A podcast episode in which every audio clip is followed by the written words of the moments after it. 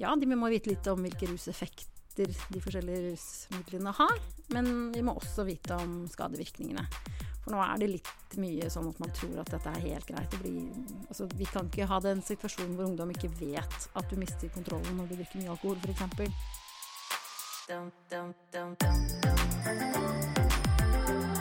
Du lytter til La oss snakke om, podkasten om rus og rusmidlers plass i samfunnet vårt. Nysgjerrig på noe? Sjekk ut laossnakkeom.no. Kjære foreldre, viktig melding. Sånn begynner et Facebook-innlegg fra politiet på Majorstua i Oslo som ble lagt ut tidligere i høst. I dette innlegget så advarer politiet om at det har vært en økning i bruk av rus blant ungdom. Og De skriver bl.a. at veldig veldig unge skoleelever har prøvd å misbruke ulovlige stoffer som hasj, marihuana, amfetamin, kokain og ecstasy. Som du kanskje kjenner litt til hvis du har pleid å høre på disse episodene av La oss snakke om. Uh, og uh, dette er jo litt overraskende, fordi at uh, jeg har hele tida hørt at dagens ungdom drikker og ruser seg mye mindre enn før. Så hva er det som har skjedd nå? Mitt navn er Bjørn, og i dagens episode av La oss snakke om så har jeg lyst til å finne ut hva som skjer med ungdommers rusbruk. Derfor er jeg nå på vei til organisasjonen Aktis. De jobber for å begrense skadene av alkohol, narkotika og gambling i samfunnet. Og jeg håper at generalsekretæren der, som heter Pernille Huseby, hun kan forklare meg hva som er i ferd med å skje med kidsa. Vi har jo sett over lang tid at ungdoms rusbruk har vært veldig lav. Eh, fra 2000 til i dag så har vi jo sett en nedadgående kurve på både alkohol og andre rusmidler. Men de siste par åra så ser vi på ungdataundersøkelsene eh, at ungdom har egentlig sånn negativ utvikling på mange forskjellige områder. Eh, og også rusbruk. Vi ser den eh, både eh, de som har prøvd, og som også litt beholdning til illegale rusmidler, er eh, på vei i feil retning. Ifølge en Ungdata-undersøkelse, som du sa. Men hva, hva er Ungdata? Ungdata er den undersøkelsen som vi har best kontroll på hvordan ungdom har det i livene sine. Eh, de blir spurt både på ungdomsskolen og på videregående nivå eh, om ja, alt hva de driver med, hva slags forhold de har til foreldrene sine, hva slags forhold de har til rusmidler, eh, mobbing, alle, alle, ting som kan virke inn på hvordan de har det generelt i livet. da. Og Nå får det jo til å høres litt sånn udramatisk ut når du sier at man ser en liten økning og sånn, men eh, jeg fikk inntrykk av at det var ganske dramatisk. fordi at eh, politiet på Majorstua her i Oslo de rykka ut på Facebook og liksom advarte foreldre om at nå må dere passe på. Eh, de var skikkelig bekymra for, for, den utviklinga som de ser. Ja, og det er også del av virkeligheten. At eh, det vi måler på landsbasis, er jo en trend som går i litt negativ retning. Men så ser vi på enkelte områder at det kan komme den type sånn plutselige hopp. Og det de beskrev f.eks. på Majorstua, var jo eh, bruk av ganske uvanlige rusmidler for en veldig ung aldersgruppe. F.eks. kokain, eh, som de påsto ble, ble, sagt der at de hadde ned i 12-13-årsalderen, som hadde prøvd. Og det er jo eh, veldig illevarslende, fordi det er på et tidspunkt i livet hvor du ikke har kontroll på, på, situasjonen i det hele tatt. Hva som skjer rundt deg, både når du drikker alkohol, eller, og ikke minst så, så sterkt virkende andre rusmidler. Ja, Kokain det er jo ikke noe tullestoff, på en måte. Da, da vi jo, snakker vi om tunge stoffer.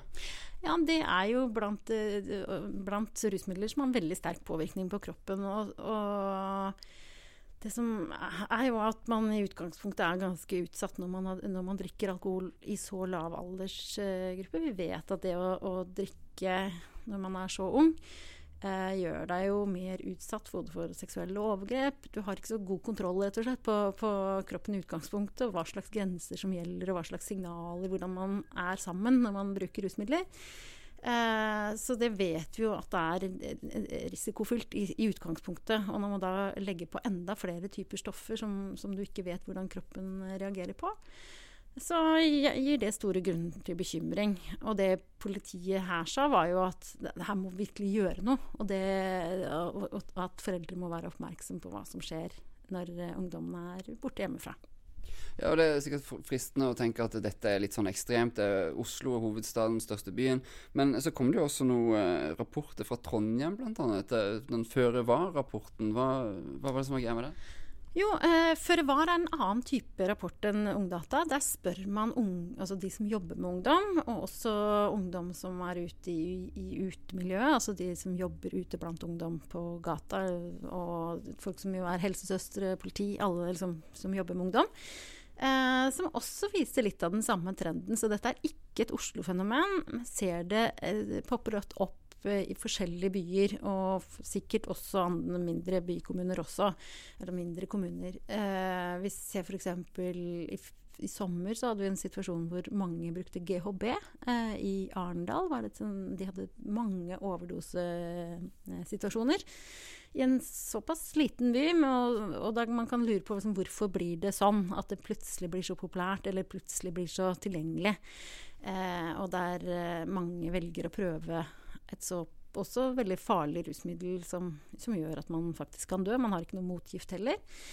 Eh, og det er jo derfor vi er opptatt av at vi må, eh, må ha fingeren på pulsen eh, i, i, i, ungdomsmiljøene for å sjekke litt hva som skjer. Sånn at voksne og vi, alle vi som står rundt, både de som, er, de som jobber med forebygging, men også politiet og helsevesenet, altså kan, kan trå til litt når vi ser at det kommer sånn, den type farlige rusmidler som blir populære plutselig. Dun, dun.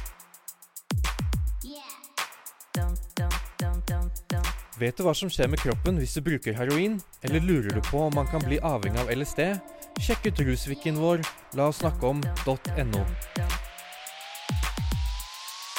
Hva er det som er årsak til disse endringene som vi ser nå? Det tror jeg er mange forklaringer. Én eh, ting er at vi i diskusjonen om, om rusmidler ofte hører eh, påstander om at Eh, at alkohol er det farligste rusmiddelet, ergo så kan det høres ut som andre rusmidler ikke er så farlige. Um, det hører vi også fra politiske partier og i debatten om, om rus. Uh, og da tenker jeg særlig for ungdomsgruppa at det er viktig å si at det vi vet om faktisk bruk, er at de ofte bruker begge deler. Sånn at det er ikke sånn at hvis uh, vi uh, kutter ut uh, det ene, så, så, får vi et mye sunne, kutter ut alkoholen, så får vi et mye sunnere samfunn. Det er sånn at ungdom som røyker cannabis f.eks., altså hasj eller marihuana, ofte også har mye høyere alkoholbruk. Så du får på en måte begge problemene for den samme ungdomsgruppa. Um, så jeg tror litt den ufarliggjøringen som en del uh, gjør gjennom bare å diskutere ruspolitikken, at det kan være en utfordring. I tillegg så ser vi jo fra internasjonalt i, i, i, at vi har en ganske sterk eh, industri som, som, sier veldig mye positivt, og de uh, produktplasserer oss i filmer og med, i, hva, hva slags industri snakker vi om da? Vi har jo en, en, fått legale markeder, altså steder hvor det er lov å kjøpe og selge cannabis. Og det er hasj marihuana og andre produkter som har de samme virkestoffene. Uh, og der er det jo rett og slett big business å selge disse produktene. Uh, og det medfører også at de har reklame for uh, alle mulige slags alt fra tyggegummi til snacks og vin med cannabistilsetning. Så det er, liksom, det, det er en stor, pengesterk industri som, som, pusher disse produktene. og vi ser nok også noe av det. Vi hører om Netflix-serier hvor man har kokker som lager mat med disse tingene, f.eks som gjør at det blir både litt eh, Som det fremstilles litt sånn kult, og i tillegg så det, blir det jo veldig ufarliggjort når det på en måte dukker opp i kaker og godis og den type ting. Men um, det vi ser fra USA, er jo f.eks. at i stater hvor dette er, brukes mye, så ser vi at barn og unge på, forgift, blir forgifta f.eks. For fordi de tar feil av hva som er eh, Hvor mye stoffer som er i disse forskjellige produktene. Så, så, um, vi får en eh, En ting er den politiske diskusjonen, og så har vi den kommersielle presset utenfra. Eh, og så tror jeg kanskje i tillegg at eh, vi har begynt å slappe av litt på forebyggingssiden. At vi foreldregenerasjonen har tenkt så lenge, fått høre så lenge at nå har vi så snille barn. Eh, at uh, det er kanskje andre bekymringer som har tatt over liksom, på forebyggingssiden. At vi ofte snakker om uh, overgrep, hva som kan skje på uh, mobbing på internett og den type, som også er store utfordringer, og som vi skal være obs på. Men da har vi kanskje glemt rusutfordringene en periode. Ja, for jeg syns jo jeg husker fra da jeg selv var litt yngre, at det var veldig mye snakk om sånne ting på skolen. Og, sånne, og gjerne sånne foredrag over sånne tidligere narkomane sånn som kom og skulle fortelle om, om, eh, om at man måtte holde seg unna rus. Er det slutt på sånt? Det er nok ikke slutt på sånt. Eh, vi er opptatt av at rusundervisningen må bli bedre. Eh, jeg tror jo en av de viktigste tingene for ungdom når de skal vokse opp og begynne å liksom være eksponert og kunne velge å bruke rusmidler, er jo at de da vet Ja, de må vite litt om hvilke ruseffekter de forskjellige rusmidlene har. Men vi må også vite om skadevirkningene. For nå er det litt mye sånn at man tror at dette er helt greit å bli altså, Vi kan ikke ha den situasjonen hvor ungdom ikke vet at du mister kontrollen når du drikker mye alkohol, f.eks. Eh, så det, vi må sørge for at ungdom kan de viktigste tingene om rusmidler. Eh, og nå når vi har eh, undersøkt litt av hva som skjer i skolen i dag, så er det jo ofte litt tilfeldig det er kanskje en lærer som har ansvar for en rusdag, og så kan vedkommende hente inn noen tidligere rusmisbrukere eller eh, bra forebyggingsorganisasjoner. Det, er veldig opp til hver enkelt lærer. Uh, så jeg tenker at vi har litt å hente på å sørge for god nok og oppdatert rusundervisning. Uh, og så er det ikke sikkert at en som har hatt et veldig tungt rusmiddelproblem, er den som skal, måte, er best egnet til å fortelle ungdom om det de trenger å vite om rusmidler. Det kan bli veldig fjernt for en, en vanlig ungdomsskole- eller videregående elev. Eh, så, så, jeg tror nok det er en litt det, det, er ikke den beste rusundervisninga å, å, dra inn folk som har masse erfaring selv. Det, ikke, det kan være et supplement, men ikke det som det bør være i bunnen. i hvert fall. Men Du snakka litt om eh, dette i stad, at man ufarliggjør det bitte litt. Og dette med cannabisindustrien f.eks., som har egen interesse og sånn. Men eh, så tenker jeg at eh, det, Men det er vel ikke cannabisindustrien sin feil at uh, man bruker GHB f.eks., eller MDMA, eller hvordan, hvordan henger det sammen at folk plutselig begynner å bruke sånne ting?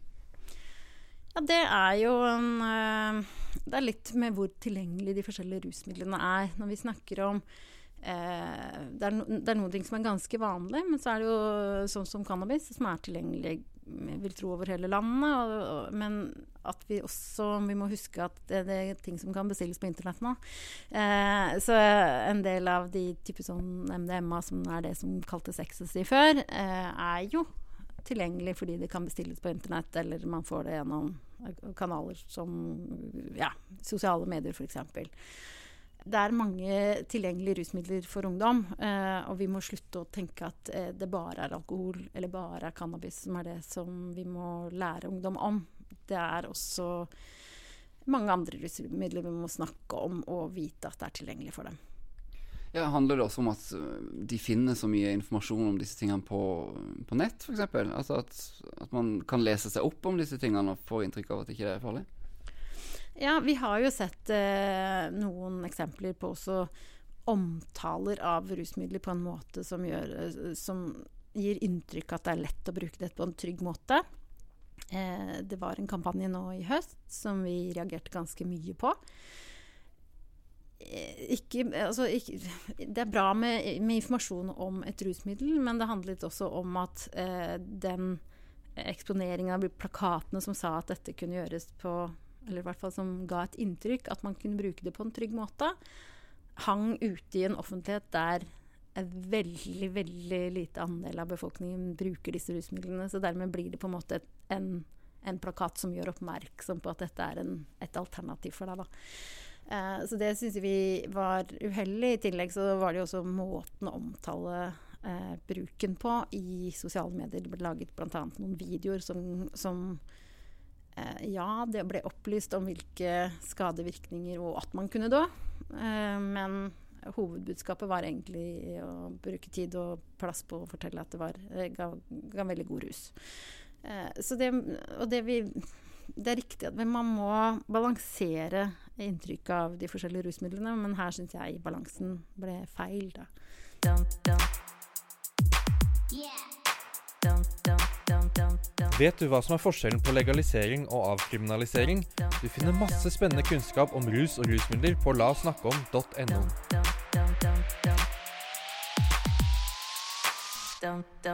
Men det at uh, man nå ser at en del ungdom ruser seg litt mer enn før, bruker litt andre stoff enn før, uh, er det liksom noe krise, eller er det sånn som går litt sånn opp og ned? Jeg tenker at vi må være oppmerksom når vi ser den type utvikling. Uh, vi har generelt lav rusbruk i befolkningen i Norge, men også i ungdomsbefolkningen. Og det er kjempeviktig å beholde, fordi vi vet at jo flere som prøver og begynner å bruke, jo større er sjansen for at vi får flere som også får et problem med de stoffene. Det gjelder både alkohol og også andre illegale rusmidler. Eh, så vi er opptatt av at, du, eh, at vi holder ungdomsbruken og aksepten for å bruke lavest mulig, sånn at, for, sånn at vi ikke kommer i en situasjon hvor vi plutselig får mange som må i behandling eller som, som, får ødelagte liv. Da. Det er jo det det handler om i det lange løp. Det liksom, vi kan ikke fikse alt. Det er ikke sånn at hvis man får et problem, så kan man bare pøse på med behandling, så blir alt bare bra. Du har mista kanskje mange år av livet ditt på å være avhengig og, og stoppe i den utviklingen som du naturlig skulle vært del av i ungdomsåra, f.eks. Uh, det, kan, uh, det er rett og slett uh, bedre å forebygge enn å reparere. Ja, for Hva skal man gjøre da? Hvordan skal man forebygge? Vi har vært innom det med å snakke om rusmidlene, både om virkningen av dem og eh, hva som er farlig. Eh, Hjelper det alltid bare å snakke om ting? Nei, nei da, det handler jo også om regulering. Og det vi vet, er jo at, det, at ting er lett tilgjengelig, eh, gjør også risikoen for å ville prøve eh, lavere. Altså risikoen øker hvis et, rusmiddel er lett tilgjengelig. Så vi ser det jo på alkoholsiden, at det å begrense salg til barn og unge er veldig viktig, og det virker. Det tror vi også gjelder for illegale rusmidler. Det er klart at den opplevelsen at noe er veldig tilgjengelig, eh, gjør i hvert fall at vi, den impulsen, hvis du skulle ha lyst til å være litt nysgjerrig eh, Hvis det da i tillegg er tilgjengelig, så er det jo lettere for at man prøver. Eh, så vi er opptatt av at politiet fremdeles både skal avdekke, eh, følge med i ungdomsmiljøene, og hvis man faktisk bruker et illegalt rusmiddel, så skal man bli kanalisert inn til hjelp, og at man får en beskjed om at nå gjør du noe som faktisk ikke er bra for deg, og ikke er lov heller. Den delen handler jo også om at vi får gripe tidlig nok inn, sørge for at ikke folk kommer langt ut i den avhengighet før vi får eh, fått inngrep med ungdommen og hjelpa dem på riktig vei. Eh, og så handler det jo også om at vi må sørge for at ungdom har gode ting å drive med. Eh, når vi snakker om forebygging, så handler det jo egentlig om å, å, å gi gode alternativer. Gode nok alternativer. Eh, og vi vet jo det å f.eks. For forebygge utenforskap, sørge for at folk har gode oppvekstvilkår, eh, er viktig for å, for å hindre folk å bruke rusmidler. Eh, eller sørge for at de velger bedre liv, da. Eh, og der eh, vet vi jo det å sørge for at vi har en skole som der det ikke er mobbing, altså jobbe, jobbe mot mobbing. Eh, jobbe mot eh, sosiale problemer hjemmefra. Det er mange som lever i familier med store problemer, enten det handler om rus eller psykiske problemer. Fattigdom. At der har vi mye å gå på når det kommer å hjelpe hele familien rundt barna. Eh, og så er det jo det at man i ungdomstiden eh, kanskje har gode sosiale nettverk, gøye ting å drive med, eh, som gjør at du velger å ikke drikke eller bruke andre rusmidler. Så jeg tenker at vi må eh, rigge hele systemet for å sørge for at eh, ungdom eh, får gode muligheter til å ha ålreite liv, da. Og da må vi alle, mange, mange på banen. Men er det ikke litt sånn man har drevet på i alle år, da? Og så likevel så går, uh, går utviklinga i feil vei? Jeg tror vi har kanskje uh, glippa litt innimellom. Vi vet jo at vi fremdeles har um, At det går litt opp og ned hvor gode vi er på uh, forebygging av utenforskap, f.eks. Uh, og jeg tror jo at selv om vi jobber kontinuerlig med det, så er det noe med at press i samfunnet også jeg tror Når vi snakker om ungdata, som vi var innom innledningsvis, så, så forteller jo ungdom om et oppvekst som er litt annerledes enn det det var for 20-30 år siden også. Eh, de opplever mye press. De opplever at det er sterke krav til dem for å lykkes i livet. Det å få til en karriere, det liksom, å lykkes i den samfunnet vi har i 2020, er en litt annen ting enn det det var å lykkes i 1980 eller, eller 2000. Eh, og det å altså, Så utenforskap i dag, det handler kanskje også om å lykkes i være liksom den vellykka på noe vis, da. Eh, så, så, terskelen for å være ikke så vellykka er kanskje litt, eh, litt Det er lettere å komme til, til å føle seg mislykka. Eh, og da kan jo rus være et alternativ for de ungdommene som ikke føler det. Altså ikke føler at de lykkes godt nok. Dette handler jo litt om hva samfunnet skal gjøre. Men så tenker jeg også hvis, uh, hvis jeg sitter der og har en kamerat som plutselig har begynt å bruke disse stoffene, er det noe jeg kan gjøre selv liksom, for å hindre den utviklinga? Det er det. Det er klart at uh, det er uh, oss imellom veldig mye av det som Hvordan vi har det generelt, skapes. Så det å være en god venn uansett hvilken livssituasjon noen står i, Eh, er kjempeviktig. Én eh, ting er jo at man kan rett og slett snakke om det. De aller fleste har eh, egentlig ikke noe store sånn de, de, fleste har ikke kommet til en avhengighetssituasjon, eh, kanskje. Eh, så da går det an å snakke om at dette ikke er bra for deg. At ikke det er eh, noe du burde drive med, for, fordi det, er, det, det skaper et dårligere utgangspunkt for å få til ting i livet. Um, og hvis man ser at det er kommet over til å bli et helseproblem, så er jo det også viktig at man bryr seg nok til å si at kanskje du nå bør gå og snakke med noen som kan hjelpe deg med, med dette problemet. Det ser vi jo på alkohol også, at uh, folk kan gå fryktelig lenge med å ha et uh, ganske utvikla alkoholproblem før noen tør å si det. Uh, og når noen, endelig noen sier noe, så blir man kanskje mer Man er redd for å ta det opp. Men når noen faktisk gjør det, så har man fått en veldig god hjelp på veien til å komme i gang med å ta tak i et problem. Så der tenker jeg at vi alle sammen har litt å gå på, på å bry oss litt mer og være litt mindre redd for å si fra.